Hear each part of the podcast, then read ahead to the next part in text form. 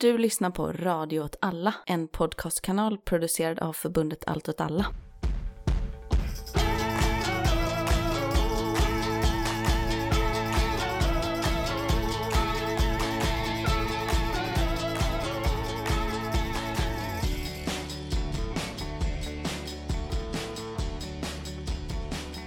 Hej och välkomna till Eld och rörelse Udda krig och perspektiv. med mig Martin Hansson. Och mig, Miran Andersson. Vi har med oss eh, Sveriges ledande expert på kosmopolitism, heter det så? Reser runt i Europa och i Asien. Rotlös eh, kosmopolitism. Volodja Wagner, Hallå, mysigt att vara tillbaka. det var länge sedan. Ja, Nu har vi dig. Du har fått god fika.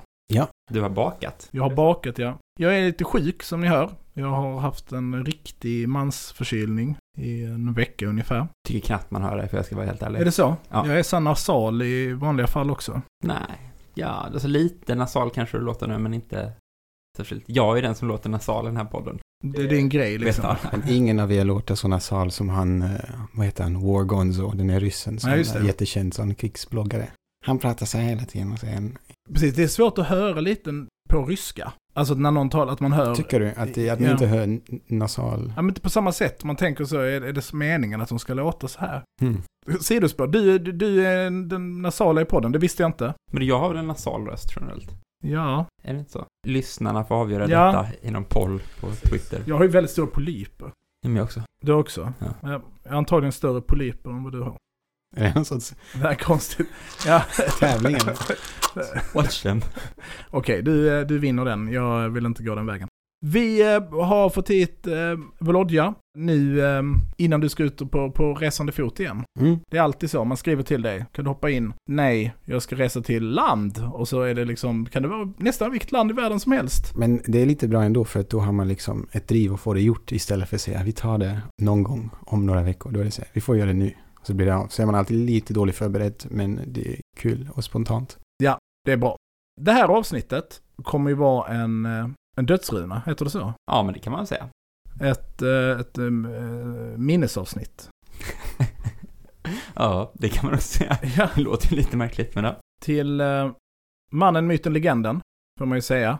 Rysslands Tobbe Mårtensson. Priggig korvgubbe. Prickig korvgubbe. Prigge, så här. Prickig Prigg, korv. pri, priggig korvgubbe. Till ingen mindre än eh, Prigozjin. Jevgenij. Du hånade mig lite här för namn tidigare. Ja men ändå för uttalet av ett jätte, jätte enkelt namn. Evgenij Prigozjin är lite svårare. Det accepterar jag att det kan vara mer knepigt. Jevgeni. Evgenij, Jevgeni. exakt. Jevgeni Prigozjin. Eller Genia bland hans vänner då. Genia. De har ju sådana för, förkortade namn. Alla förnamn kan ju kortas Han kallades Jenny. Genia. Jenny-mannen av sina vänner. Du kan tänka dig att det är samma namn som Eugene på engelska. Ja. Det är ju faktiskt samma. Och då låter Aha, det nästan okej. som Evgenij Eugene. Ja, mind blown. Ja, eller typ Eugen eller något. Heter det på tyska? Finns inte det på Mm, Men är det samma också? namn alltså? Ja. Oj, okej. Ja, spännande. Ja, det finns ju på massa olika europeiska. Alltså, det? Fin- det finns, är det sällan på svenska? eller? Eugen. Ja, typ. Säger man så? Eugene. På Ja. svenska? Eugen. Ja, det låter som något som du hittar på. Eugen. Eugen. Precis som man säger liksom Tyrone om någon som heter Tyron liksom. Ja, ja. Eugen om någon som heter Eugene. Kanske. Jag vet vi, nu bara hittar vi på. Ja, det är kul. okej. Vi rullar med det. Född 1961. Det kan stämma, ja. Ja. Du tittar på Wikipedia. Jag här. läser hans eh, Wikipedia. I, eh, Leningrad. I Leningrad, ja. Precis. Oblasten eller staden. Både och tror jag. Och eh, har levt ett ganska händelserikt liv, Mm. får man säga. En eh, sann renässansman eh, på sätt och vis. Verkligen. Ja. Verkligen. Eller, ja, jag vet inte riktigt om, eh, om det är definitionen. En, men då en putinistisk renässansman kanske. Det, det kan man kanske säga. Jag tänker att han höll på med konst. Alltså att han lagade mat. Liksom. Exakt. Alltså i en konstform. Det är det ju. Men också så många strängar på sin lyra, liksom. Att han har. Han, Och så vetenskap då. mm, det? krigsvetenskap, då får vi anta. Och äventyrandet inte minst. Alltså Mm. åka till främmande länder som typ Centralafrikanska republiken. Eller vad det Absolut. nu han var nyligen. Mm. eh, Innan sin olycka. Sin olycka, ja. Ja. Död då. Japp. I Tver och Blast. Strax utanför staden Tver. Är det rätt? Är det som man säger? ja. Du behöver inte rätta mig på det här fyra bokstavsnamnet. Nej, du fick, du fick till det. I en olycka, som du, Volodja då kallar det. Påstås det. Påstås, Att han är död. Han påstås att han är död, ja. Vi får ta lite konspirationsteorierna sen. Han gick på idrottsinternatskola som liten. Mm. Inte så renässansman. Ja, just det. Idrott kanske de höll inte på med, eller gjorde de? Fast Internatskola. Ja, internatskola absolut. Skulle bli längdskidlöpare. Oj. Mm. Det blev han inte. Sen satt han ju i fängelse då, Ja. 79. Det tråkiga året 79. Jag tänker att 79 inte var någon höjdpunkt i Sovjetunionen. Ja, det var väl höjden på eh, stagnationen, Mm. brukar man väl säga. Då han eh, roffade åt sig, han stal lite. Enkelt misstag. Mm. Han råkade väl också misshandla lite folk. Ja, sen då efter det så kom han in på fel bana i livet, hamnade snett så att säga. Trampade fram farliga vägar.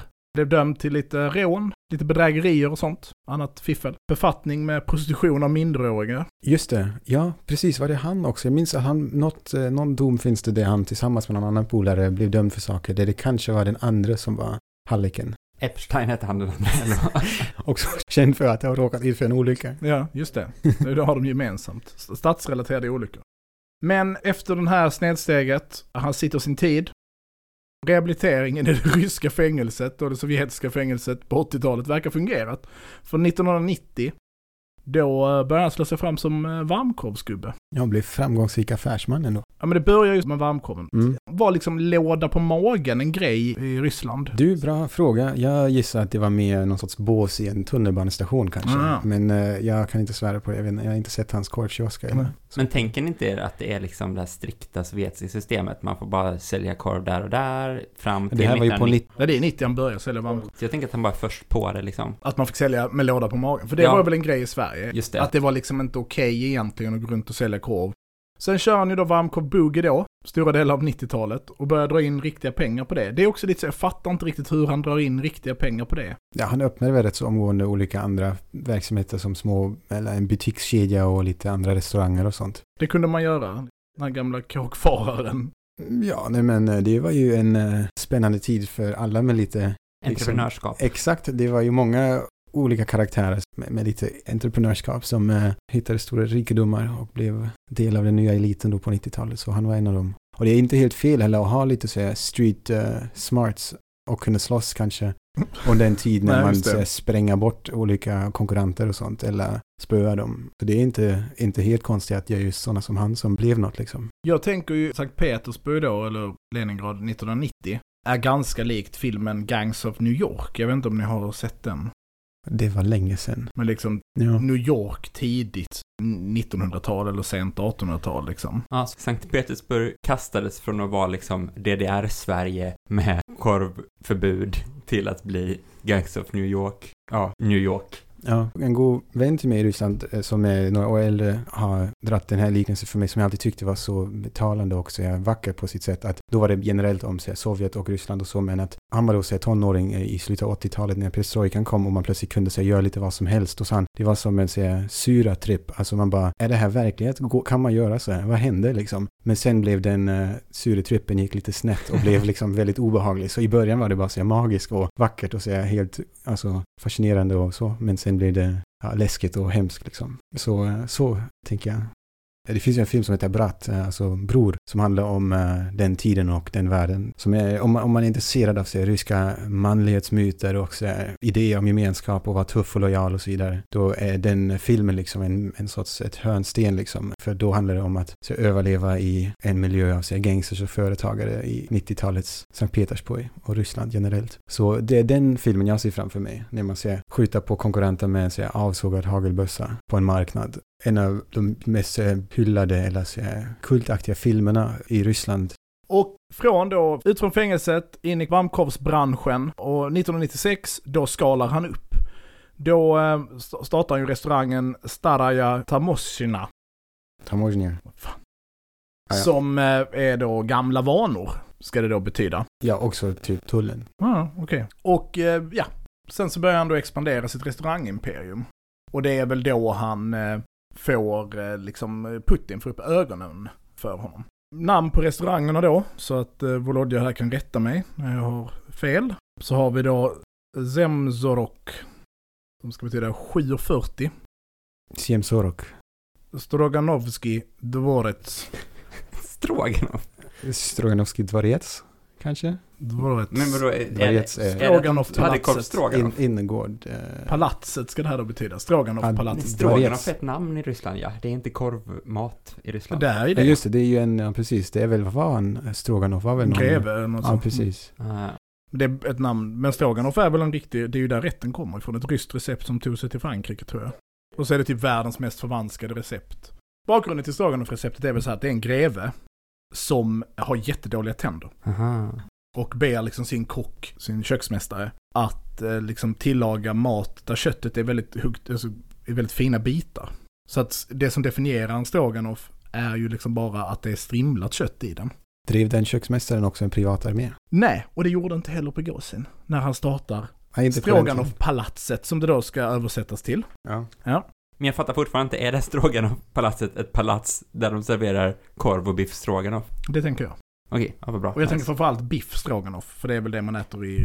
Det är väl liksom jag har inte käkat där, men... eh, Du har inte det- ätit där, nej, men Nej. stroganoff. Du har ätit stroganoff någon gång. Alltså jag är inte så förtjust i kött, så att eh, det kanske jag Nej. aldrig har gjort faktiskt. Det är ju ändå en stapel maträtt i, i både skolköket men även i liksom de svenska hemmen. Vet du vem som höll på med skolkök också? Prigozjin. Exakt. Sen skapar han då den tredje restaurangen jag ska nämna här då är då Ruzgi Gij. Som ska betyda... Nej, du får inte titta. Som ska betyda rysk kitsch. Ruski kitsch. Ja. Då kanske, ja. Ja, det kanske det gör. Det, det betyder rys, Mycket möjligt. Ryssland. Kan, kan du ryska? Ja, jag... Nej, du får inte titta. Ett intressant eh, prov här. Vem, vem är det som eh, liksom sätter vem på prov? kan du läsa eller kan jag ryska? Och eh, eh, sist men inte minst så är det ju då innekrogen New Island. Som ju då var en, den här fartygsbaserade... Vad betyder det? Det förstår jag inte. är det något konstigt språk? Ja, hur skulle man säga New Island? För då har han uppenbarligen valt att ge ett engelskt namn. Novi Ostrov. Kanske den kallades bland eh, liksom, coola Ja. eh, besökare som alltså, jag känner det nya stället. Men då valde han i alla fall ett, ett eh, engelskklingande namn. Ja. Och det är där Vladimir Putin och Prigozjin då ska ha kommit i kontakt med varandra. Ja, just det. det. Jag vet inte riktigt om det var som att de, att de träffades på Nej. restaurangen. Jag tror att de kom i kontakt med varandra när Putin jobbade i, den, i liksom kommunadministrationen eller stadshuset typ. Och hade med sånt att göra, lokala företag och så Mm. mm. casino-businessen som Prigozjin också höll på med, som Putin var väl ansvarig för bland annat. Eh, och sen, men han hängde en del där. Han firade väl födelsedagar någon gång här för mig. Precis, och det är väl bjöd på New Island. jag tror det gör. var. Bjöd eh, Jacques Chirac och George Bush på middag där och sånt. Finns det lite Steven Seagal kanske har ätit det. Ja, Ja, säkert. Mm. Ja.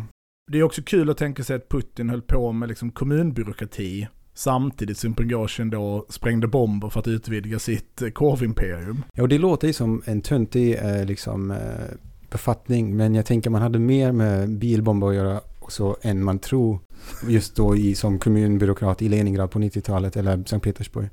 Det var ju ändå den tiden då det var rätt så vilt liksom, 90-talet i Ryssland var ju rätt eh, livligt liksom och eh, i de här storstäderna var det ju mycket, mycket, många kakor att dela upp mellan olika entreprenörer. En, Och kakor var också någonting som ja, gjordes. det, det gjorde det var det säkert. Han eh, bakade också några kakor på stor skala säkert. Ja, kanske då via Concord Precis. Catering, Ja, som heter catering på ryska också. det företaget heter faktiskt eh, Management i Consulting. Det är en sån klassisk sån Ja. anglosism eller så. Att det bara heter så på ryska så stavas det med så roliga ryska bokstäver fast Ja, det är engelska ord. Ja. Men det som är egentligen mer intressant tycker jag med det med 90 och hur de kom i kontakt med varandra är ju den här detaljen att Putin, det kan vi lätt glömma bort nu för tiden, att han ju då under den fasen i sin karriär hade gått från då KGB-agent i bland annat DDR och blivit då Ja, typ politiker, eller först var han väl mer tjänsteman men sen blev politiker i det också, men gjorde det framförallt under liksom sin dåvarande mentor Anatolij Sabchak som var liksom en av de stora liberala reformisterna i Ryssland som var så känd för att vara så väldigt västtillvänt och liksom eh, pratar mycket om så ja, men, så lag och ordning och så marknadsekonomi och sånt. Alltså var väldigt så liberal, eh, vilket ju var en grej då på 90-talet. Man säger nu går vi framåt och då jobbade han ju med en sån här framstående, lysande, så demokratisk, liberal reformist. Vilket ju inte helt passar in heller i, hans, i sin egna narrativ om att det, de här jävla liberalerna och demokraterna förstörde vårt land och lät sina polare bli rika. Och jag kom som någon sorts eh, återupprättare av liksom, staten. Liksom. Utan han var ju väldigt mycket delaktig i den processen. Och alla hans polare blev ju jätterika under de åren också. Och, eller det inledde sina banor till att bli superrika.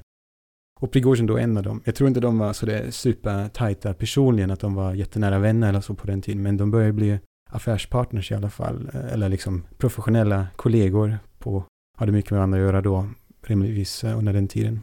Och via det här Concord Catering då, så det är ju då han landar de här skol skolbespisningsuppdragen och senare då, det är väl efter 2010 någon gång, han landar eh, avtalet med den ryska försvarsmakten.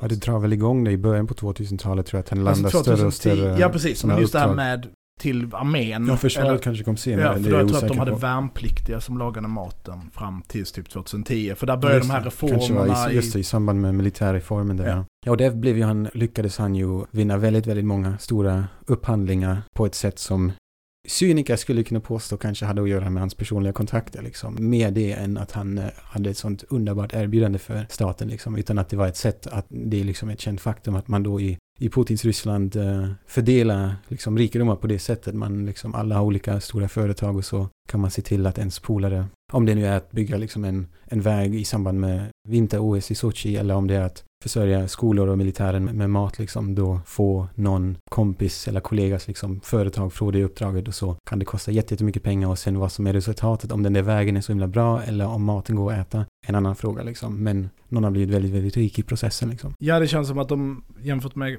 svensk kommun, där det ändå finns lite upphandlingsregler och så, så var det väl lite fritt fram då på ett annat sätt. Och reglerna finns nog i Ryssland också, men uh, domstolsväsendet är inte känd i Ryssland för att vara speciellt uh, oberoende från den exekutiva makten liksom. Och nu binds ju liksom Prigozjins historia på något sätt ihop med Utkin. Det händer ju här efter de här kontrakten, efter 2010. Och vi vet inte så jättemycket om hur exakt det gick till. Men vi vet att Utkin då, vi kanske ska nämna honom, för han är ju också död. Han dog i samma olycka som Prigozjin. Sägs det. Konspirationist-rollen här. Utkin är den som har gett namnet till Wagnergruppen. Ja, och uh, bara fotnotera, vi, vi glömde det, vi skulle ju skåla till, eller jag känner ju någon sorts, uh, det här Att du heter Wagner, precis, ja. och så ska jag också skriva om liksom Ryssland och, och liksom börja göra det mer och mer aktivt uh, också i samband med att, att den här Wagnergruppen, den så kallade liksom, hela det här projektet liksom lanserades och ju större det blev, desto mer var ju folk såhär, vadå liksom, alltså har du, alltså liksom, att det Och du är liksom, släkt med Precis, det här men det är ju också bara ett jätte, jättevanligt tyskt efternamn. Ja. Så eh, det är inte liksom, eh, om man, alltså i Tyskland är det inte så konstigt, det bara blir weird när man liksom är. Och så hoppas jag ju nu att eh, det fenomenet liksom, eller den grejen liksom lite grann har fått sitt slut nu. Det vet vi inte ännu, men jag hoppas, jag har lite förhoppning om att det kanske kommer tillhöra det förflutna ganska snart. Det tror att jag också. om kanske 50 år kommer inte det vara första associationen liksom. Så det är precis, eh, det namnet kommer ifrån att han Utkin då, den här, ja, Prigozjins högra hand i alla fall i, det- i det militära liksom. Mm. Att han, eh, jag hade det som Callsign. Callsign, ja. hade- Anropsnamn. Anropsnamn. Anropsnamn, ja. Smeknamn. Precis, och det verkar ju ganska stort i Wagnergruppen att alla har olika coola smeknamn eller till anropsnamn de Ja. använder det. Det var någon som hette typ eh, Chavez och någon hette så här Sparta och någon annan hette... Motorola och alltså det är Motorola, inte ja. Wagner, men Nej, precis det var ju stort i hela Donbass-konflikten Ja. från början att alla de olika krigsherrarna och eh, kommandörerna och Ja. även enskilda soldater då. Hade olika brukar ha det. Ja, balla nom de. Ja. Utkin, som ju ibland beskrivs som liksom Wagners militära ledare. Jag trodde faktiskt att han var lite mer ute ur bilden än vad han tycks ha varit. Eh, han har inte synts till så jättemycket de senaste åren. Det är möjligt att det är han som har liksom varit eh, den som har gjort upp de rent militära planerna, Det har varit högst beslutande angående det.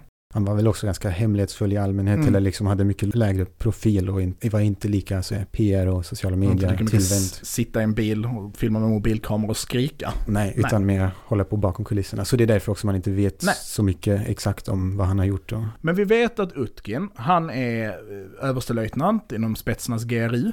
Äh, det vet vi inte, men vi tror det. men det är väl ändå rätt så belagt Ja. tror jag. Ja. Det är framförallt ukrainska underrättelsetjänsten är väl väldigt eh, eh, inne på det här och kartlagt dem. Ja. Han går i pension 2013 från GRU och börjar arbeta för ett privat säkerhetsföretag, Moran Security Group. De har liksom sin rekryteringsgrupp är ryska veteraner och håller på med piratbekämpning. Mm. Sen blir han headhuntad till ett Hongkong-baserat företag, Slavonic Corps. Och deras huvudsakliga verksamhet skulle vara säkerhet runt pipelines och oljekällor. Slavonic Corps har en ganska, om man lyssnat på avsnitt ett av den här podden så pratar vi om det här då. Men Slavonic Corps har en riktigt farsartad resa. De drar ihop ett gäng, åker till Beirut, sen ska de vidare in i Syrien. Sen bara typ dör allihopa. Och fick bara massa skit. Utgen har också gått ut ganska stort inför detta och säger att men liksom, det här är sanktionerat av ryska staten. Vilket det sen visar sig att de inte riktigt tycker eller vill inte offentligt förknippas med det. Så Slavonic Corps kajkar liksom ihop, det blir ingenting med det. Utgen reser tillbaka till Ryssland. Och då verkar det som att Wagnergruppen bildas. Och då har Prigozjin kommit in i bilden som finansiär. Och bara för att ha det sagt, alltså det här vet väl alla som lyssnar, men anledningen till att Utgen har Wagner som anropsnamn är ju för att han gillar Nazityskland jättemycket. Kanske för att han är nazist. Jo, men, Eller för men, att ja, han precis. in- ja, men det, brukar, det brukar som- hänga ihop, ska säga.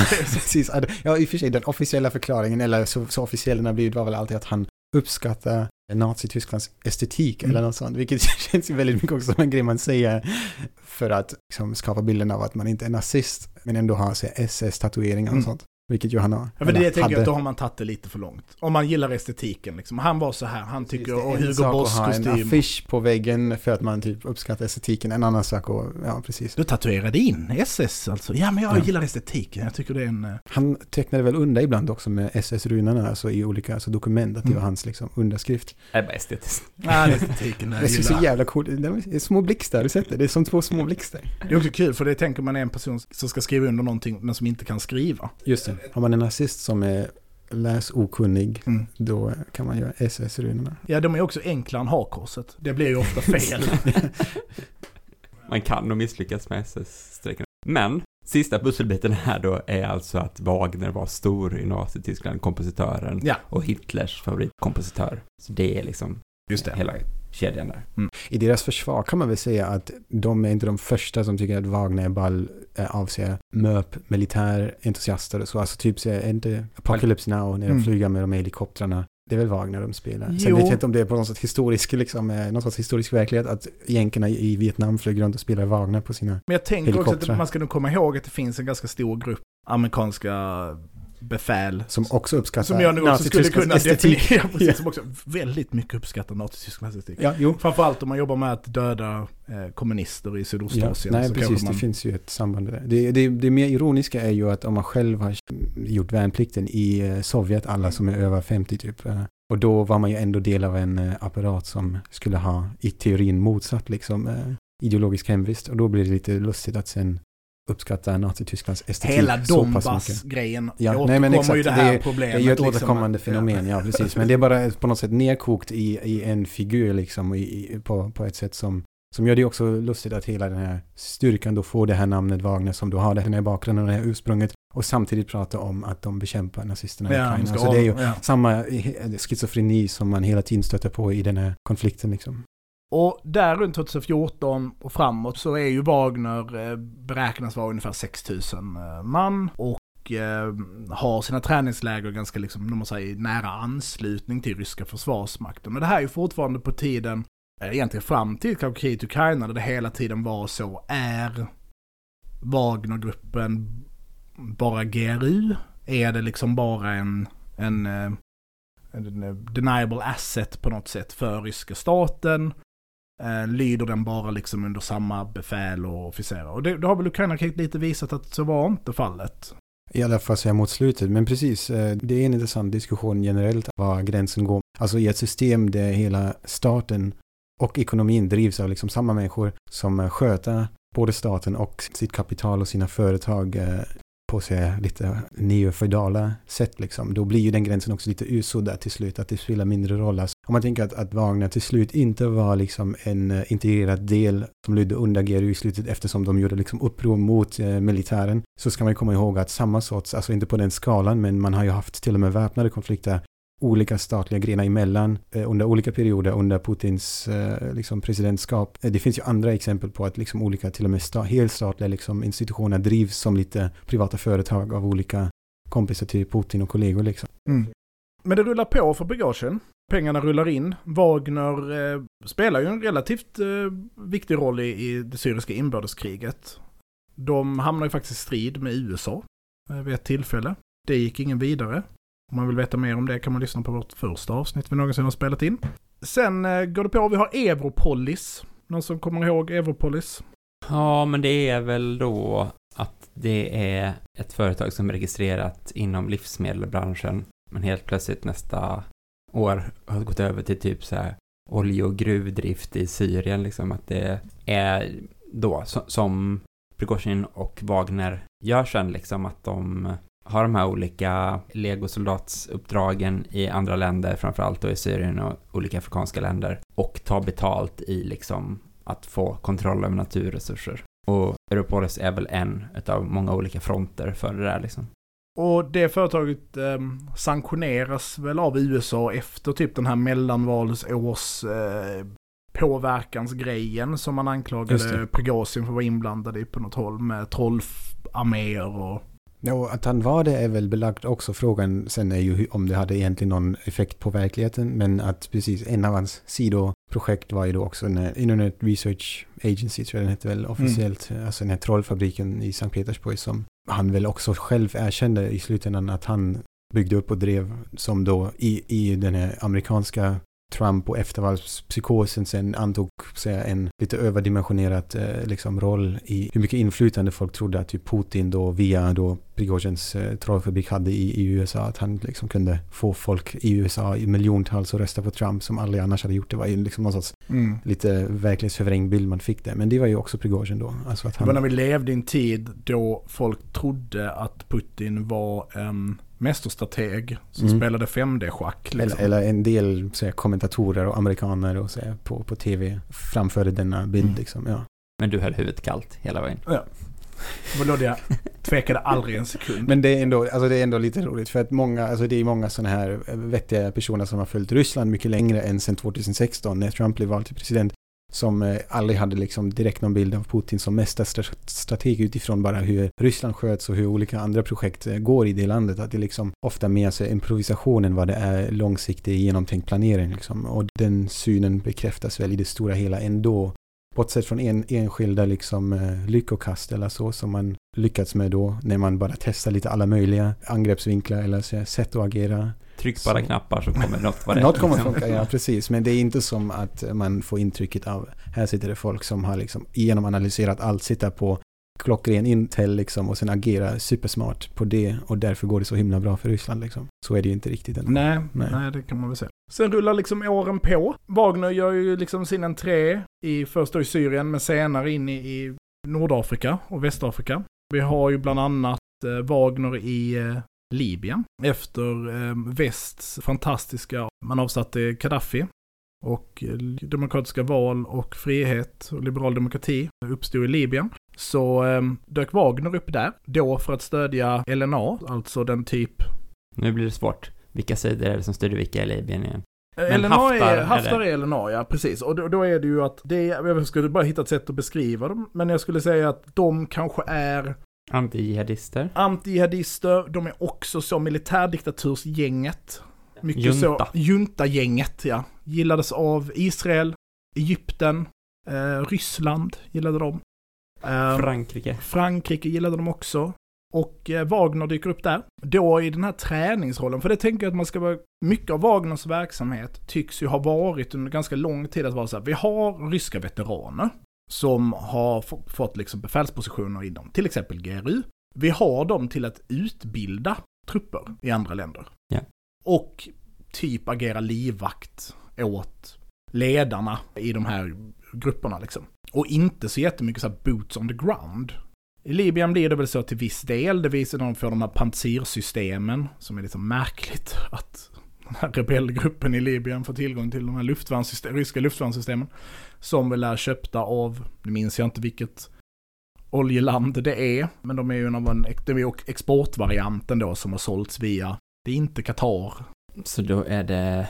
Förenade Arabemiraten Ja, skulle jag gissa. Ja. För Qatar backar väl SNA då, den andra sidan i den här konflikten. Men där är ju Wagner, och sen så känns det ju som att Wagner växer liksom. Organisationen växer, den blir större, den tar på sig nya uppdrag, vi börjar få de här polisiära eller upprorsbekämpande rollerna i Centralafrikanska republiken till exempel. Och, och nu då har vi situationen med Mali och eh, diskussionen runt Niger. Man får gissa kanske att det inte kommer bli något med Niger nu då.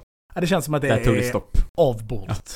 I en annan form kanske det är möjligt att det blir. Ja. Men Prigozjins stora resa till toppen för att liksom nå sin, eh, sin peak under sin karriär som arg mobilgubbe är ju trots allt kriget i Ukraina. Mm. Och det är ganska spännande för tidigt i kriget i Ukraina, då beskrivs ju Wagner som en elitstyrka. Det är väldigt återkommande att man pratar om Wagner som liksom Rysslands elitsoldatsförband som ska sättas in, som bara består av olika spetsnas ninjor som repellerar från helikoptrar och så vidare. Men Wagners claim to fame är ju mer fångsoldater som stormar Bachmut om och om, och om igen tills man slutligen intar staden. Men kan inte det också vara en utveckling som liksom växte fram? Jo, och där, där såg man ju den här att Wagner fyllde ju en väldigt specifik roll. De kunde liksom i den här, eh, jag vet inte vad det heter på svenska, POP heter det va? Privat-offentligt partnerskap. som ju Wagner är, så kunde liksom Wagner vara någon typ av kaospiloter. Och eh, testa projektet, vad händer om vi låter fångar bli soldater? Ja. Nej, men det verkar ju ändå vara ett, liksom, lite det som var win-win aspekten i det här förhållandet att man hade, det man också kanske kan härleda från just eh, Prigozjins intressanta personliga resa, att man har någon som har lite erfarenhet från lite alla möjliga miljöer, från liksom gatukriminalitet till liksom att driva eh, rätt så storskaliga företag, att man liksom kan tänka lite utanför boxen på ett sätt som eh, inte vilken säga, byråkrat i militärapparaten eh, som har gått en mer konventionell liksom, bana kanske skulle kunna göra eller hade gjort eller har liksom kapacitet att göra och så vidare. Så att man liksom, eh, ja, man, man hittade någon som kunde utföra okonventionella uppdrag på liksom, innovativa sätt. Hur, hur eh, cyniska de sen än kunde bli liksom, som hela det här återvinnandet av mänskliga kroppar från liksom de här onödiga från fängelsesystemet som man kan liksom liksom både gör sig av med och så slutar de kosta pengar i liksom fängelserna och gör lite nytta på vägen liksom när man kastar in dem i Bachmut som Ukraina av någon anledning har bestämt sig för att de verkligen vill hålla liksom att uh, det fanns det en uh, synergieffekt heter det Mm, säkert i mm. den här pop, popvärlden. Ja. Men är det första gången nyliberalt entreprenörskap kopplas med cynism? Sjukt att det kom är uppfanns sjukt att, där. ja, sjukt att det kunde ja. Men det blir ju spännande här då, för att jag, det, det är en fråga till dig, eh, Wagner, Bologna. Man tänker ju då så, det känns som att hela den här med liksom, fångsoldaterna, att hela den grejen, att det paketerades väldigt mycket som att ja, men det var någonting som Wagner gjorde. Och att det, liksom, det är frånkopplat den ryska staten på något sätt. Utan att det är Wagner har, har det här projektet. Men jag vet inte hur Ryssland fungerar, men jag tänker att i Sverige, om ett företag så var så här, vi åker till det här fängelset och hämtar lite folk. Och staten bara, nej det vet inte vi, vi tycker, nej men det är klart vi måste få göra det, det, det här är ju fri på, ställa sig konkurrens. på gården, innergården på Kumla och bara säga Hallå allihopa. Den ska vi ha. Och Ja, och att staten då liksom, nej men vi är inte inblandade i det här, vi har inte Ja, godkänt nej, det. det är ju helt absurt såklart. Det är alltså lika absurt som det här med att, att man först förnekar i flera år att, att det här ens skulle finnas eller ha något med staten att göra eller att Prigozjin skulle stå bakom det på något sätt till att sen helt plötsligt vara så här, ja just förresten, det gör det ju absolut. Jag har startat det här, säger Prigozjin sen eh, typ ett, ett halvår in i kriget och åka runt på de här fängelserna och, och dessutom också sprida videos på hur han gör det på ett sätt som inte verkade alltså, jag misstag. Det verkar inte bara varit någon läcka som uppstod. Eller men när han står på de här gårdarna Ja, det var ju liksom, ändå som, det var ganska uppenbart att det var meningen att det skulle spridas. Mm. Att, att, det, att man gjort, gjorde inga ansträngningar att hålla det hemligt liksom. Samtidigt har ju att bedriva privata arméer, alltså vad heter det, uh, legosoldateri har väl, har ju varit eh, liksom olagligt i Ryssland hela den Mm. tiden också. Alltså det, det är också lite lustigt att, att Men det är fortfarande olagligt. Ja, precis. Mm. Men så gör man ju det ändå och med hänvisar till olika kryphål i lagen Mm. för att varför det skulle vara rimligt. Och eh, samma gäller väl också det här med att folk skulle bli benådade Mm, Just det, som också är så. också, det, är inte, det, det står inte riktigt i, i författningen liksom att, att man, om man bara skjuter tillräckligt många ukrainare, att man då inte behöver sitta inne för sig dubbelmord eller något Mm. eh, som ju nu, flera har ju blivit benådade och dessutom också utfört nya brott. Mm, jag skulle liksom- komma till det. Så- Som en, men då, Prigozjin rehabiliterades uppenbarligen av sin fängelsevistelse. Från småtjuv till att befatta sig med att sälja barn, så blev han en framgångsrik entreprenör. Ja. Det var inte, det känns som att det här straffprojektet inte hade samma rehabiliterande effekt. I alla lägen i alla fall. Nej, det känns som att det kom många nyheter om olika Wagner-veteraner som kommit hem Ja, och eh, begått fruktansvärda brott, typ 30 minuter efter att de hade blivit... eh, ja, något sånt. Ja. Och, och anhöriga till eh, offren är så här, skulle inte den här killen suttit inne i 15 år till liksom? Mm. Men, precis som korveriet, så var ju faktiskt den här grejen antagligen betydligt mer framgångsrik än vad man har velat ge Putin eller Prigozjin ära för. Bachmut tror jag man i efterhand kommer förstå som en fruktansvärt cynisk och hänsynslös händelse, men, men rent militärt så kommer den, man förstå det som att det som hände var att Ukraina bytte väldigt erfarna och duktiga soldater som de inte hade råd att förlora mot skräp som ryska staten var absolut beredd på att de bara dog och försvann. Och jag har läst analyser som menar att en av anledningarna till att motoffensiven går så trögt som den går handlar om att man offrade för mycket bra förband på att försöka hålla Bachmut. Och det förlustutbytet som skedde, även om det var till Rysslands nackdel, så spelar det liksom ingen roll för att det Ryssland förlorade var ingenting de egentligen ville ha. Men det här är ju fortfarande tiden där Prigozhin, han får ju uppenbart hållas fortfarande vid den här tidpunkten. Han gör sina videor, många av dem är fantastiska. En av mina favoriter är ju när han åker eh, SU-25. Han är ute och åker stridsflyg vid fronten för att visa att eh, Girkin är en jävla fegis. Eh, Okej, hur bevisas det på detta sätt? Ja men det är ju att, det är ju att Girkin då, du kanske vill presentera Strelkov som Strelkov, han, det är hans callsign då, Mm. eh, precis. Den andra arga gubben, ultranationalist som dock hatade Prigozjin och vice vice versa. Alltså Mm. han, då, Men i alla fall, varför var flygturen bevis på att Girkin är feg? Han var så rädd för flyg att han sköt ner ett passagerarflygplan. Nej, men. Strelkov, Strelkov tänker jag är i vänsterreferensen här liksom. Han är oh, elevrådsordförande trotten liksom, Strelkov. Okej. Han ser ut som en sån. Han sitter där och är duktig och Mm. ren bakom sitt skrivbord. Och sen har du den här. Chad Prigo- Prigozhin. Som är så, men, jag har ja. faktiskt lyckats liksom. Men fan är det? Men Ja, Strel- fast enligt Marx så var det så här att vi borde göra Jo på men det här sättet. Strelkov kan ändå också jag komma med lite så alpha street cred Jo, i den här absolut. liknelsen för att han var ju ändå med, så han var ju fan för försvarsministern ut, ja, i, eh, ja. där i. Ja, absolut, absolut. Och sköt ner ett passagerarflygplan typ själv. Ja. Eh, Personligen tryckte på knappen. Nej, men jag menar, han ser ut sån.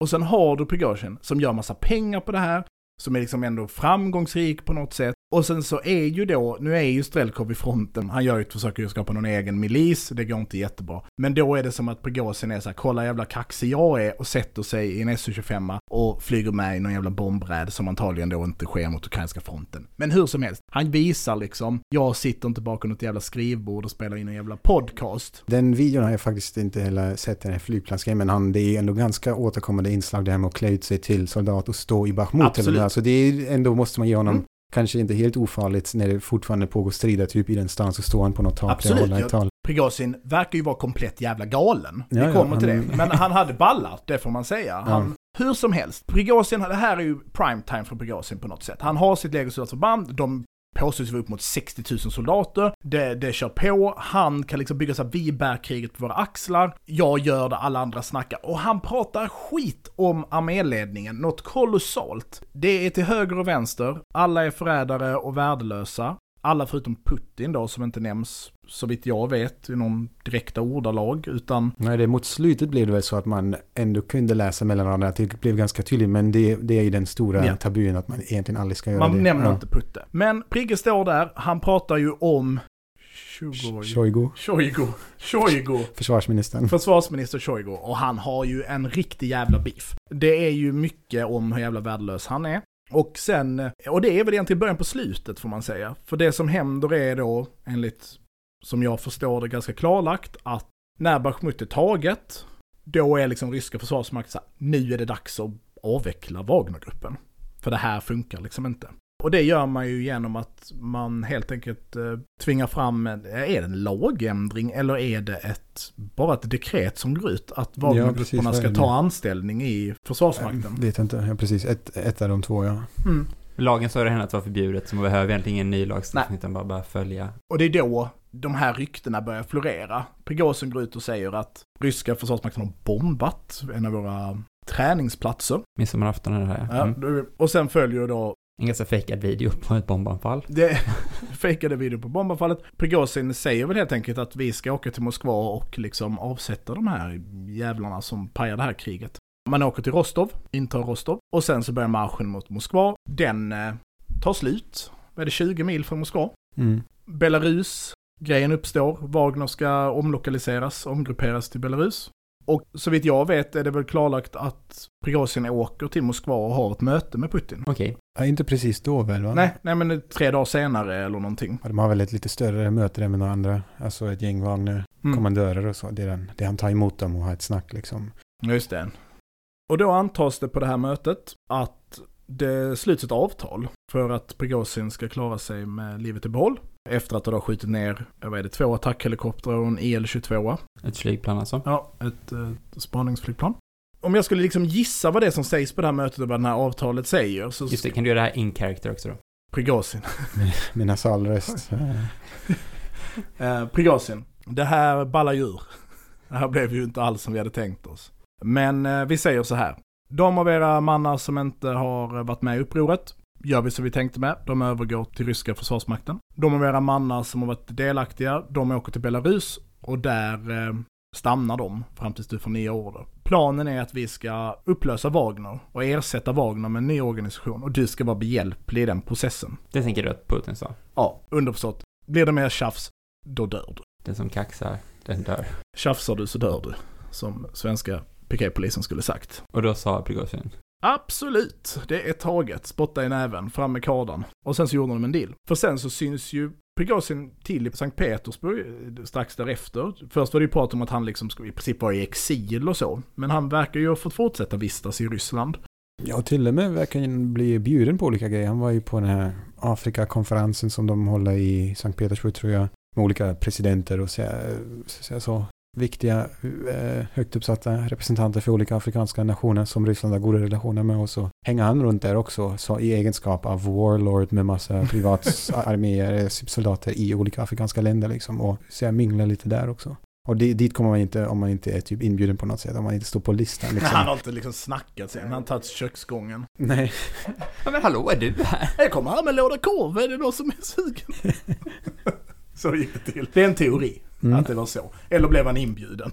Sen vet vi ju att Prigozhin, två dagar innan sin död, tre dagar innan sin död, reste runt ganska mycket. Eh, Wall Street Journal hade ju en artikel som behandlade att han hade varit eh, runt i flera olika länder. Och han själv släpper en film där han påstår sig vara i Mali. Och det är väl mer eller mindre en rekryteringsfilm till Wagner, så här. Nu kör vi här istället, det kommer bli skitbra. Sen, efter det flyger han till Moskva, där han byter flygplan och ska bege till Sankt Petersburg. Och eh, Så inträffade en olycka. sen blev det en olycka. Och av någon anledning så sitter hela Wagnerledningen i samma flygplan då. Så vitt jag förstår det är det Prigozhin, det är Utkin, det är säkerhetschefen för Prigozhin, det är PR-ansvariga för Wagner. Och sen är det två eller tre andra relativt högt uppsatta befäl. Också typ eh, transport och logistikchefen typ, eh, heter han, Chikalov tror jag. Som väl anses varit en nyckelfigur i det, inte rent militära utan på något sätt i det liksom lite bakomliggande. För att som också du var inne på innan eller ja, som vi pratade om att det, det är inte endast eh, boots on the ground och soldater i de här länderna i Afrika utan det är en större apparat med det man eh, tjänar pengar på, liksom råvaror utvinning och eh, liksom lite andra tjänster till de här regimerna som man har deals med politiska liksom, eh, och militära. Och det kräver en del samordning och han som väl tycks ha varit liksom ledande i det och jobbat med Prigozjin även innan Wagner vad jag förstår. Varit en sorts högre hand i den icke-militära sfären är också ombord. Så det är ett ganska svårt slag då mot hela organisationen och företagsimperiet som sådant. Förutom att det är chefen och den militära chefen då som dör. Så, vad tror vi hände? Som konspirationsteoretiker då, så tror jag att det var åtta andra killar och Prigozjin lever i hemlighet på månens baksida.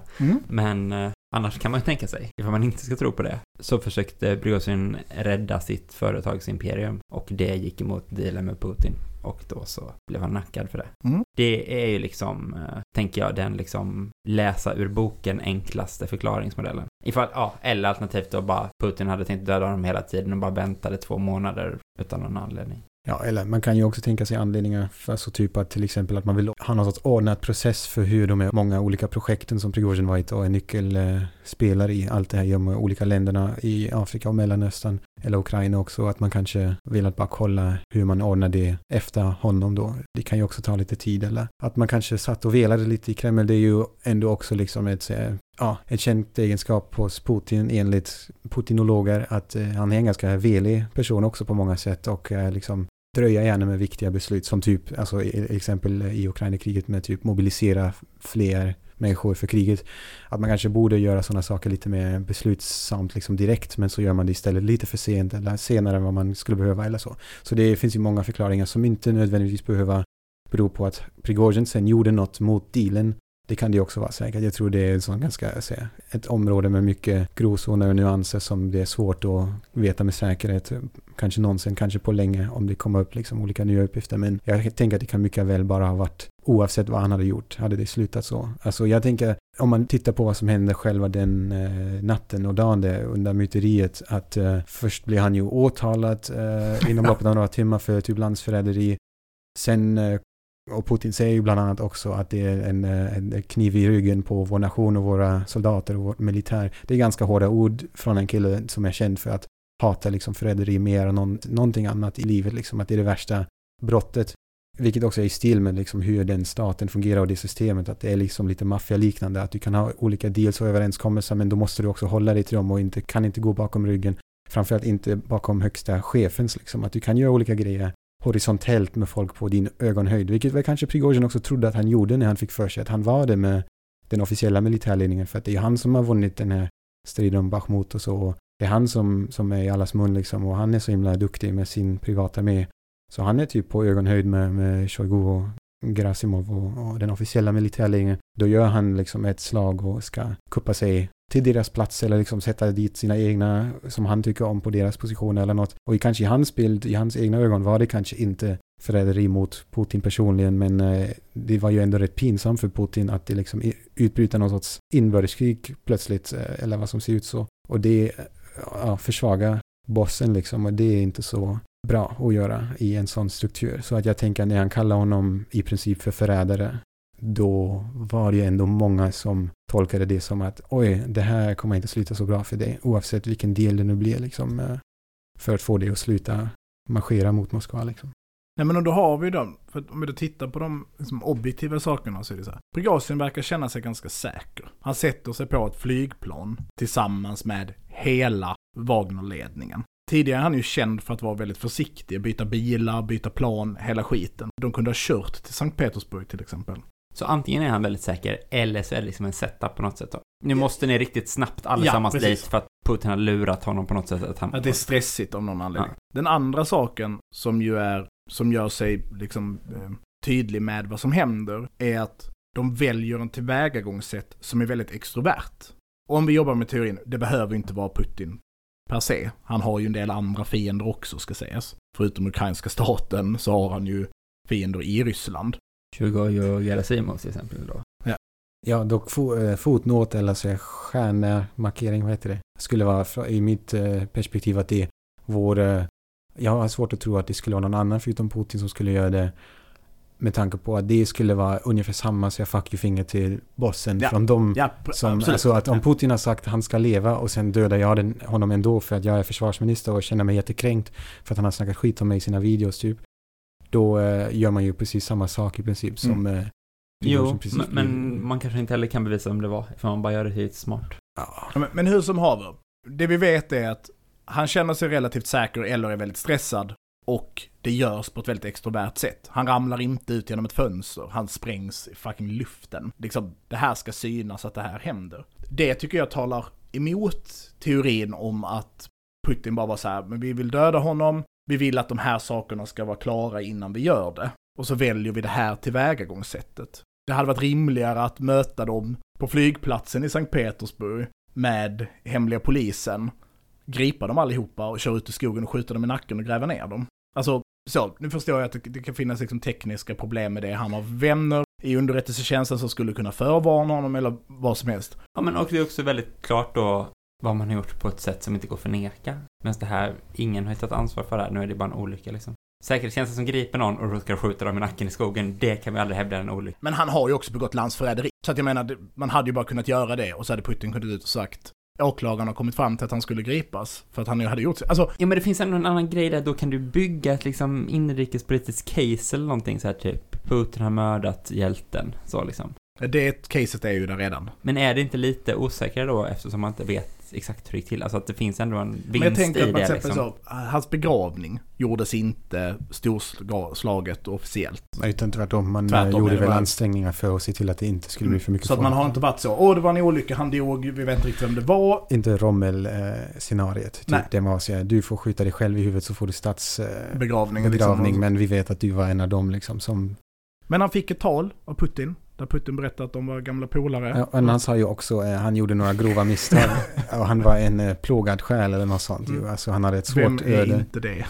Exakt, så det var ju ändå, jag tycker fan om inte något annat så är det ju också Putins just reaktion där, den här officiella videon där han sitter tillbaka lutat med sitt så här, klockrena smirk, Mm. alltså sitt så här, Leende. sitt, eh, Bondvillen, leende flin, ja precis, och säga så här, innan det ens har officiellt på något sätt bekräftas vem som var ombord, det var ju det här med att ja, enligt den här listan skulle det varit de, men vi måste göra en riktig undersökning med DNA-prov och så vidare, så sitter han där och var, ja, han, eh, Prigozjin som sägs ha befunnit sig, han var ju en, eh, alltså använda dåtiden för att Mm. beskriva den här killen och eh, så hylla Wagner-soldaterna liksom, säga att de var hjältar, men säga så ja, Prigozjin han var ju en lyckad affärsman som gjorde några grova misstag liksom. Det tycker jag ändå är i liksom, i Ryssland tycker jag är ganska stort så, jag gjorde det, vad, vad ska du göra Ja. kring det liksom? Precis som också för den delen de andra kända liksom eh, uppgörelserna med förrädare som man gjort tidigare. Då tänker jag, jag ju framförallt på, det var ju ganska, den ena av dem ganska tidigt i, i Putins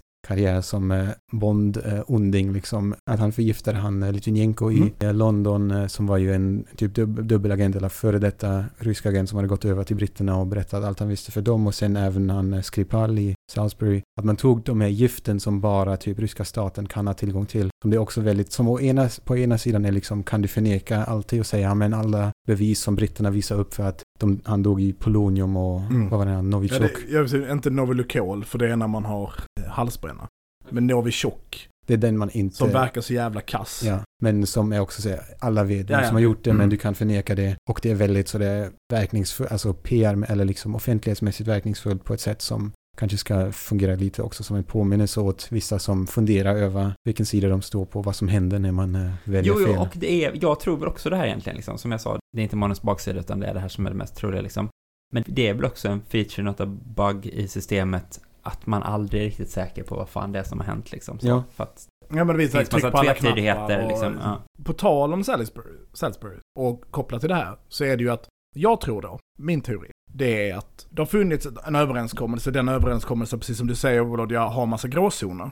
Prigozjin har försökt maxa de gråzonerna. Han har varit, liksom rört sig i den här överenskommelsen, börjat göra nya deals. Det är någonting i det här som gör att, ja men det här flyger inte. Någon går till Putin och säger Prigozjin försöker blåsa dig. Han kör. Jag tror att planen har varit att GRU ska helt överta den här strukturen. Och det har ju funnits teorier tidigare om att Wagner har styrts av GRU. Att det har varit Prigozjin, Utkin och så har det varit Andrei Averjanov. Averjanov som är general i, i GRU. Han ingår i den här enhet eh, 2955. Det är de som är Salisbury-attentatet. Det är liksom, vad ska man säga, offensiv underrättelse, något sånt heter det väl. Eh, Jag måste underrätta dig om kniv, men kniv i ryggen! Lönnmördar GRU, liksom Mm. så. Och att man har tänkt att det ska ske, att Prigozjin ska med tiden försvinna och GRU ska överta den här verksamheten. Ja, alltså det kanske, ja precis, jag tänker där får man väl också kanske komma ihåg just den här aspekten med att det, att det som Prigozjin sysslade med som gjorde honom väldigt nyttig för Putin och för det här systemet var ju att det inte bara var begränsat till en, en liksom väpnat, kanske elitstyrka eller vad det nu var som Wagner var bra på liksom, utan också hela kringliggande alltså Ekonomin apparaten. liksom, ja. Ekonomin, Ja. logistiken, också att man kunde säga det här med, med trollfabriksgrejen liksom att det är inte så förknippat till Wagner egentligen men att ha liksom den här kapaciteten, ha en stor apparat som kan syssla med de här väldigt innovativa utanför boxen eh, tillvägagångssätten som ibland fungerar väldigt väl ihop liksom eh, och ibland är lite olika spår liksom. Att eh, det är en ganska stor apparat som man måste också kunna driva och man måste ha liksom kapaciteten och eh, då har man väl outsourcat det i den meningen att man hittat en kille som både har någon sorts kanske intuitiv förståelse och talang för den typen av verksamhet som Prigozjin då hade i och med sin eh, renässansman bakgrund och liksom kapitalet som han hade liksom roffat åt sig under 90 och 2000-talet liksom för att finansiera det hela på ett sätt som kanske en, en vanlig sån där, oavsett hur liksom hemlig eller elitmässig liksom del av, av militärstrukturen kanske inte är kapabel till att göra på samma Nej, sätt. men och, och tänker vi då det här 90-talskaoset, Gangs of New York, Ryssland. Men det som händer i den här typen av konflikter som Ryssland befinner sig i nu är väl att staten måste tajtas upp. Det går inte att det är så löst och fritt längre eftersom att de nu befinner sig både under kraftiga sanktioner men också i, i krig i någon mening. Och då kanske Wagner, Prigozjin inte längre, Wagner och Prigozjin inte längre riktigt platsar. Alltså det blir mer åt Sovjethållet liksom, eller när CIA ägde ett flygbolag. Idag så skulle kanske CIA inte äga flygbolaget, idag så skulle det liksom vara en entreprenör som man kunde förneka hela tiden. Är du med hur jag menar? Och att Ja. man vill ditåt igen för Jag att man inte, det precis, det funkar väl- inte.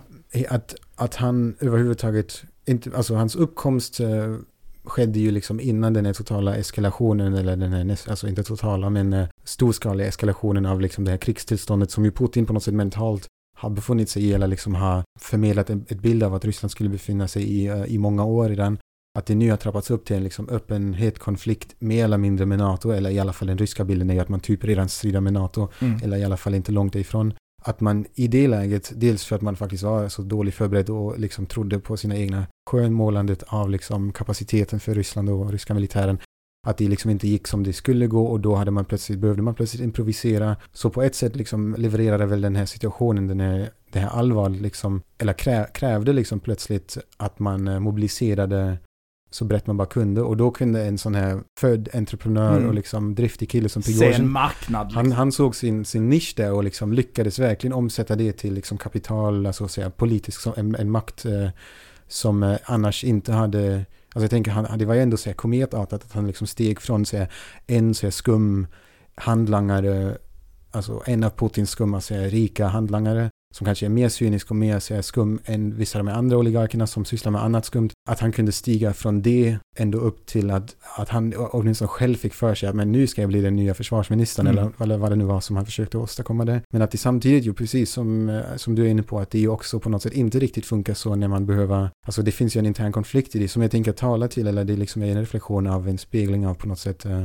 bristerna i det här systemet. Att det är på något sätt å ena sidan att man kan improvisera och man liksom kan vara spontan på det här maffiaartade sättet men eh, det är ju inte nödvändigtvis eh, liksom effektiv i längden eller det, det medför ju en, en enorma risker för sig, den här typen av konflikter. Där det plötsligt blir öppen krig mellan liksom en del av eh, den militära apparaten mot en annan del liksom. Eller det är skitbra att våra generaler inte kräver svinmycket i lön hela tiden och de får bråka om det, att de löser sina pengar på andra håll.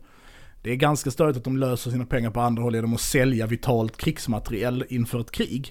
Det är många saker i Ryssland som jag tänker har fått funka för att det funkar. Och nu så måste saker tajtas upp. Jag tänker att vi ser samma process i väst på, på olika sätt. Alltså att, att den här liksom nyliberalismens bara ta nya marknader-grejen, det funkar liksom inte i kristillstånd på samma sätt. Utan då behöver det, behöver det tajtas upp.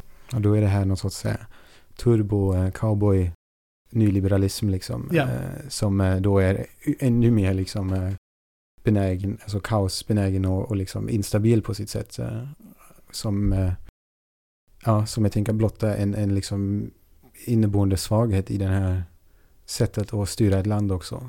Som ju sen ironiskt nog också Putin på något sätt inte egentligen liksom, vad heter det liksom, drog i kopplet för på något Nej. sätt. För att det som är på något sätt talande är ju också att man då inte, om man nu funderar över hur man skulle göra sig kvitt en sån här kille som Prigozjin som uppenbarligen har spårat ur bortom vad man tyckte var meningen när man liksom rekryterade så att säga honom in i det här projektet. Att eh, man hade ju då kanske kunnat tänka att ja, men nu ska vi visa, men vi får tagga ner allihopa lite grann.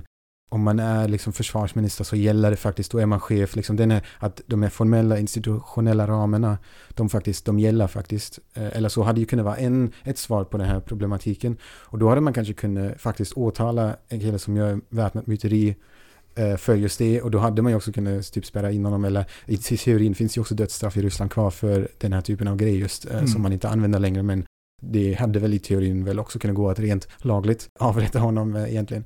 Så och att, eh, ingen hade tyckt att det var konstigt. Nej, det, man hade ju till och med kunnat argumentera som, alltså, i och för sig, Strelkov, Girkin hade kanske skitit i om det är liksom inom institutionella ramar, men om man är så här rysk patriot som vill att man har en fungerande stat Mm. som är effektiv och fungerar som den ska och är stark, då hade man ju kanske kunnat tycka att det var en lättnad att se att, ja men nu säger presidenten längst upp ändå, nu räcker det, nu lagför vi den här killen Mm. enligt vårt regelbok, för att vi har faktiskt lagar som gäller liksom. Staten funkar liksom. ja, precis. Staten funkar som Men- en stat, inte som en så blandning av maffia och feodal liksom, hov. Vilket ju mer är liksom tillståndet nu. Är det liksom en slump att Strelkov greps i samma... Ja, det tror jag nog inte att det är en slump Nej. att det är liksom i samma veva. För att man var väl ändå medveten om att det fanns den här, alltså det snackas ju om att Prigozjin skulle varit så superpopulär och att han skulle typ bli president eller något. Mm. Och eh, då tolkar ju många de här bilderna av att han kör in det i Rostov och folk på gatorna, så jag hejar på dem och så. Jag vet inte, jag tycker det är lite att överdriva det lite kanske. Wow, det finns 200 personer i, i Rostov. Ja, plus också, folk älskar ju att se stridsvagnar som kör runt. Ja. Alltså det är alla sådana, om man någonsin sett en dashcam-video från Ryssland, det är någon stridsvagn bara kör genom en lekplats, då är också alla säger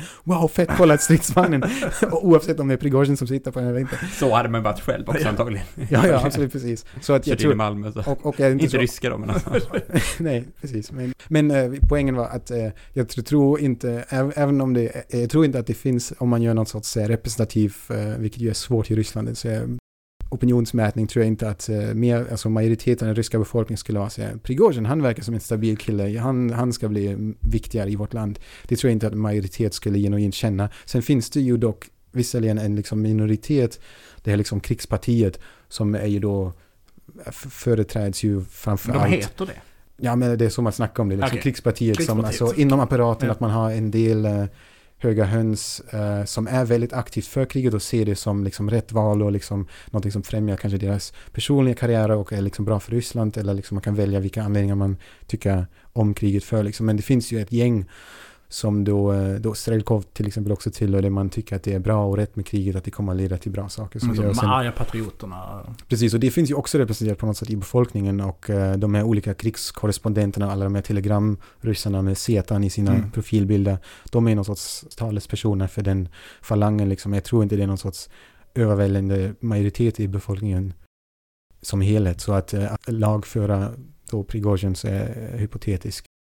Eh, hade, alltså man är rädd för den minoriteten som jag ändå tror är, att det är en minoritet. För att de ju också är väl representerade inom, liksom, eh, inom de här eh, säkerhetsapparaterna. Alltså i militären, i polisen, underrättelsetjänst och så, i alla de här väpnade statliga institutionerna. Ja men de Prigozjin trodde väl uppenbart själv. Ja, Alltså det är precis. väl att, att han trodde att när jag kör nu så kommer folk, alltså kanske inte liksom ta till vapen, men det kommer finnas högt uppsatta positioner som går ut och Ja, tar och mitt parti. Sen var ju folk som redan lite har vapen snabbare. också, gärna, Ja. alltså folk som kanske redan är i vapen som känner lite samma sak som Mm, han ja, men kanske att de skulle- här befälen, precis. de, det var ju tydligt att de väldigt snabbt hade fixat fram, ja vad heter han, eh, Armageddon eller vad han kallas. Ja, Eh, Surovikin. Ja, precis. Ja. Som ju snabbt gick ut och sa, sluta göra det du gör Prigozjin i det här vita kala rummet där han befann sig. Och man verkligen bara ser hur det står en kille med en pistol på andra sidan kameran är så. Läs manuset gubben. Nej, och sen men har han varit gripen sen dess. Gissningsvis trodde väl Prigozjin, så- alltså lätt också kanske för att han bara var personligen lite sådär, eh, Mm.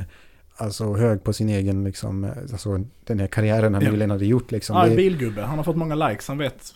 Ja, ja, precis. Och så eh, känner man bara, men om jag nu bara kör, då är det säkert massa andra, liksom olika generaler, officerare, Mm. olika hemliga poliser och vanliga poliser och alla som kommer att vara med mig på det här liksom. Sen kanske blev det inte så. Eh, och då eh, visade sig kanske att han överskattade sin egen popularitet på det sättet. Men eh, Filterbubblan är farlig. ja, Det kan råka göra att man gör en statskupp, försöker göra en statskupp och sen blir mördad på ett plan. Nu är det så att vi behöver avrunda. Det är ju jättetråkigt. Vi har ju rätt mycket saker kvar här som jag hade velat prata om. Är det så? Mm, men eh, Man kan säga, vårt första avsnitt handlar om Prigozjin. Nu är han död, nu lägger vi ner podden. nu lägger vi ner podden ja. Det, det var på grund av Prigozjin vi startade det här. Ehm, så det här var inte bara en dödsruna för Prigozjin. Det är även en dödsruna för podden. kul att vara med i sista avsnittet. Ja, ja, men verkligen. Ehm, det känns som en fin inramning. Så eh, ni får se om det kommer ett avsnitt om två veckor. Det här, kan- ni, ni borde säga något om att om ni swishar så här mycket då kan vi tänka oss göra nya avsnitt. Uh, Volodja, många är nya bara, Patreons. Så. Volodja är här för att han vill ha, ha några pengar till något jävla transkriberingsprogram. Just så att eh, om ni kan lösa det åt. Kan, Nej, jag, kan jag ärva alla poddens pengar då? Eh, Du kan ärva alla Ja. poddens pengar. nu när Ja. podden läggs ner. Ja, precis. Nej men det var superkul. Jag hade egentligen velat prata om Rysslands framtid med dig. Um, jag lyssnade på um, Michael Kaufmans samtal med Ste- Stefan Kotkin. Stephen Kotkin. Och då pratade de om liksom vilka, vilka möjligheter det finns att vinna en fred och vad, vilket liksom endgame man på något sätt kan se. Och jag tänker då att frågan är intressant eftersom att Prigozjin, i alla fall i sin egen bild, kanske såg sig som någon typ av arvtagare eller liksom möjligheter. För Prigozjin var ju också ganska kritisk mot kriget. Och en av de möjliga sluten för kriget är ju någon typ som folk föreställer sig är ju någon typ av kupp. Där man eventuellt någon person i uniform tar makten och säger nu får det här kriget ta slut för det här var idiotiskt, det var Putins fel, nu ska vi bygga ett nytt Ryssland. Men det tänker jag är anledning, att vi kanske skulle kunna ha ett helt eget avsnitt som handlar om det. Som vi spelar in direkt nu efter. Nej, men som när vi får det efter att du har varit runt och rest igen, kanske skulle kunna lura dig hit. Och eh, Med lite bakverk och dricka. med bakverk och dricka och kanske då eventuellt någon typ av prenumeration på ett transkriberingsprogram. Vi får se. Vi får se Ja. helt enkelt. Ha, farligt att ge sig på framtidsspekulationer. Ja. Ena stunden spekulerar man i framtiden, andra stunden sitter man i ett plan som sprängs. Precis. Mm. Du kan vara död Livsfarligt. imorgon, precis som Prigozhin. Jag kom på en till grej. Det var den enda anteckningen jag gjorde inför det här. Det här ska jag ta upp och så har jag såklart inte tagit Ja men ta upp det. det, ta upp det. Det är inget, alltså det är ingen så här, eh, su- superdramatisk avvikelse från det vi pratade om precis innan. Men på tal om kanske framtid och oron över framtid och vart saker ska ta vägen. Tyckte jag att det var, av alla de olika videos som cirkulerar och så, två som jag tyckte var väldigt intressanta i det här som ändå talar till att, att då väl också Putin kanske kände någon genuin rädsla för oavsett om man trodde, trodde att Prigozjin är så superpopulär och kan så kuppa bort mig personligen, att han kanske kände oj, här måste vi vara försiktiga, här är det liksom en sorts folklig eh, opinion som kan bli farlig för mig. Tyckte jag att det var talande att han både precis efter myteriet, alltså några dagar efter var det tror jag, kom det en video som var super out of character för Putin, Mm. där han liksom skakar hand och så här kramas med en folkmassa i, vid, vid, sidan av här evenemang han var på. Eh, det, han liksom, det gör han typ aldrig. Det är liksom så o-Putin att alltså folk på riktigt så var inne och spekulerade sig, var det en så här body double? Och det tycker jag alltid så här, det blir lite eh, fånigt när man håller på och spekulerar så. Men det var ändå att man tänkte, här skulle det fan hade kunde, kunnat vara. För han, alltså, han sitter ju gärna vid långa bord, liksom, Mm. på ena änden av långa bord eller ensam eh, framför sina generaler eller liksom ministrar. Men och då skakar han hand och säger typ nästan säger pussar på bebisar och sånt. Och så kom ett likadant video, andra gången kom eh, samma dag, typ samma stund som Prigozjins flygplan mötte tekniska problem där i luften. Då var det också att han i samma, då var han ju uppe och firade typ årsdagen för Kursk, Kursk Mm, eh, slaget eller något. Mm. Och sånt gör ju han hela tiden och då brukar han stå också och säga, kanske skaka hand med någon soldat eller så hålla ett tal framför folk. Men då gick han också ner till liksom staketet och till stängseln där det stod massa vanliga ryssar typ, eller kanske hand ut valda ryssar, vem vet. Men eh, i alla fall fanns en video då där han stod omringad av eh, folket och liksom blev påhejad och skakade hand med folk. Det tycker jag ändå är lite talande att, att någon där verkar bli lite nervös ändå och vill bara understryka framför alla att titta här på hur populär jag är. Och då kan vi undra precis om inte hela Prigozjin-episoden kanske ändå har väckt en oro för hur, alltså att man kanske måste bara visa igen att man på riktigt är jättelegitim och populär bland folket. Inte minst när då Prigozjin, utöver att han var förrädare då i det här, också typ, ja men typ sa det här med att, ja men kriget startades på grund av, av lögnaktiga anledningar liksom. Och det är ändå ganska nära till att, ja, Ge sig på Putin Ja, precis. liksom. Och då, ja, men då tyckte jag det var intressant att, att man fick den reaktionen från, från Putin då. Mm. Så det kanske ger, ger skäl för en sån här framtids eh, sp- spekulerings, spekulationsdiskussion. Det tycker jag. Så nästa avsnitt med Volodja blir framtidsspekulation och eventuellt transkriberingsprogram. Tack så jättemycket för att ni har lyssnat. Man kan eh, följa mig på sociala medier. Där heter jag, den sociala medien, Twitter heter jag Trojkan1337. X heter det. X heter det nu för tiden. Ja, men det säger vi väl inte. Det säger väl ingen. Nej, jag skulle vara var Du jobbig och blir jobbig. jag Mm. Det heter faktiskt X. Ja. Eh, på Bluesky heter jag Martin Hansson. Jag heter Atslughall på Twitter och att Myran Andersson på Blue Sky. Volodja Wagner, du är inte, skriver inte så mycket på X. Du är inte så stor X-kille. Nej, kanske Nej. blir det igen. Det kommer lite i faser. Men om man nu vill kan man gå in där. Då heter jag ett Volodja Wagner. Du är också frilansskribent. Ja, Om man vill ha analyser om läget i Ryssland eller i eh, eh, öst generellt så kan man ju höra av sig till dig. ja. Jag Säger ser, jag ser nu. vad jag kan göra. Gör det. Chefsredaktör som lyssnar på den här podden, jag vet att ni lyssnar. Ja, tack så jättemycket. Ha det gött.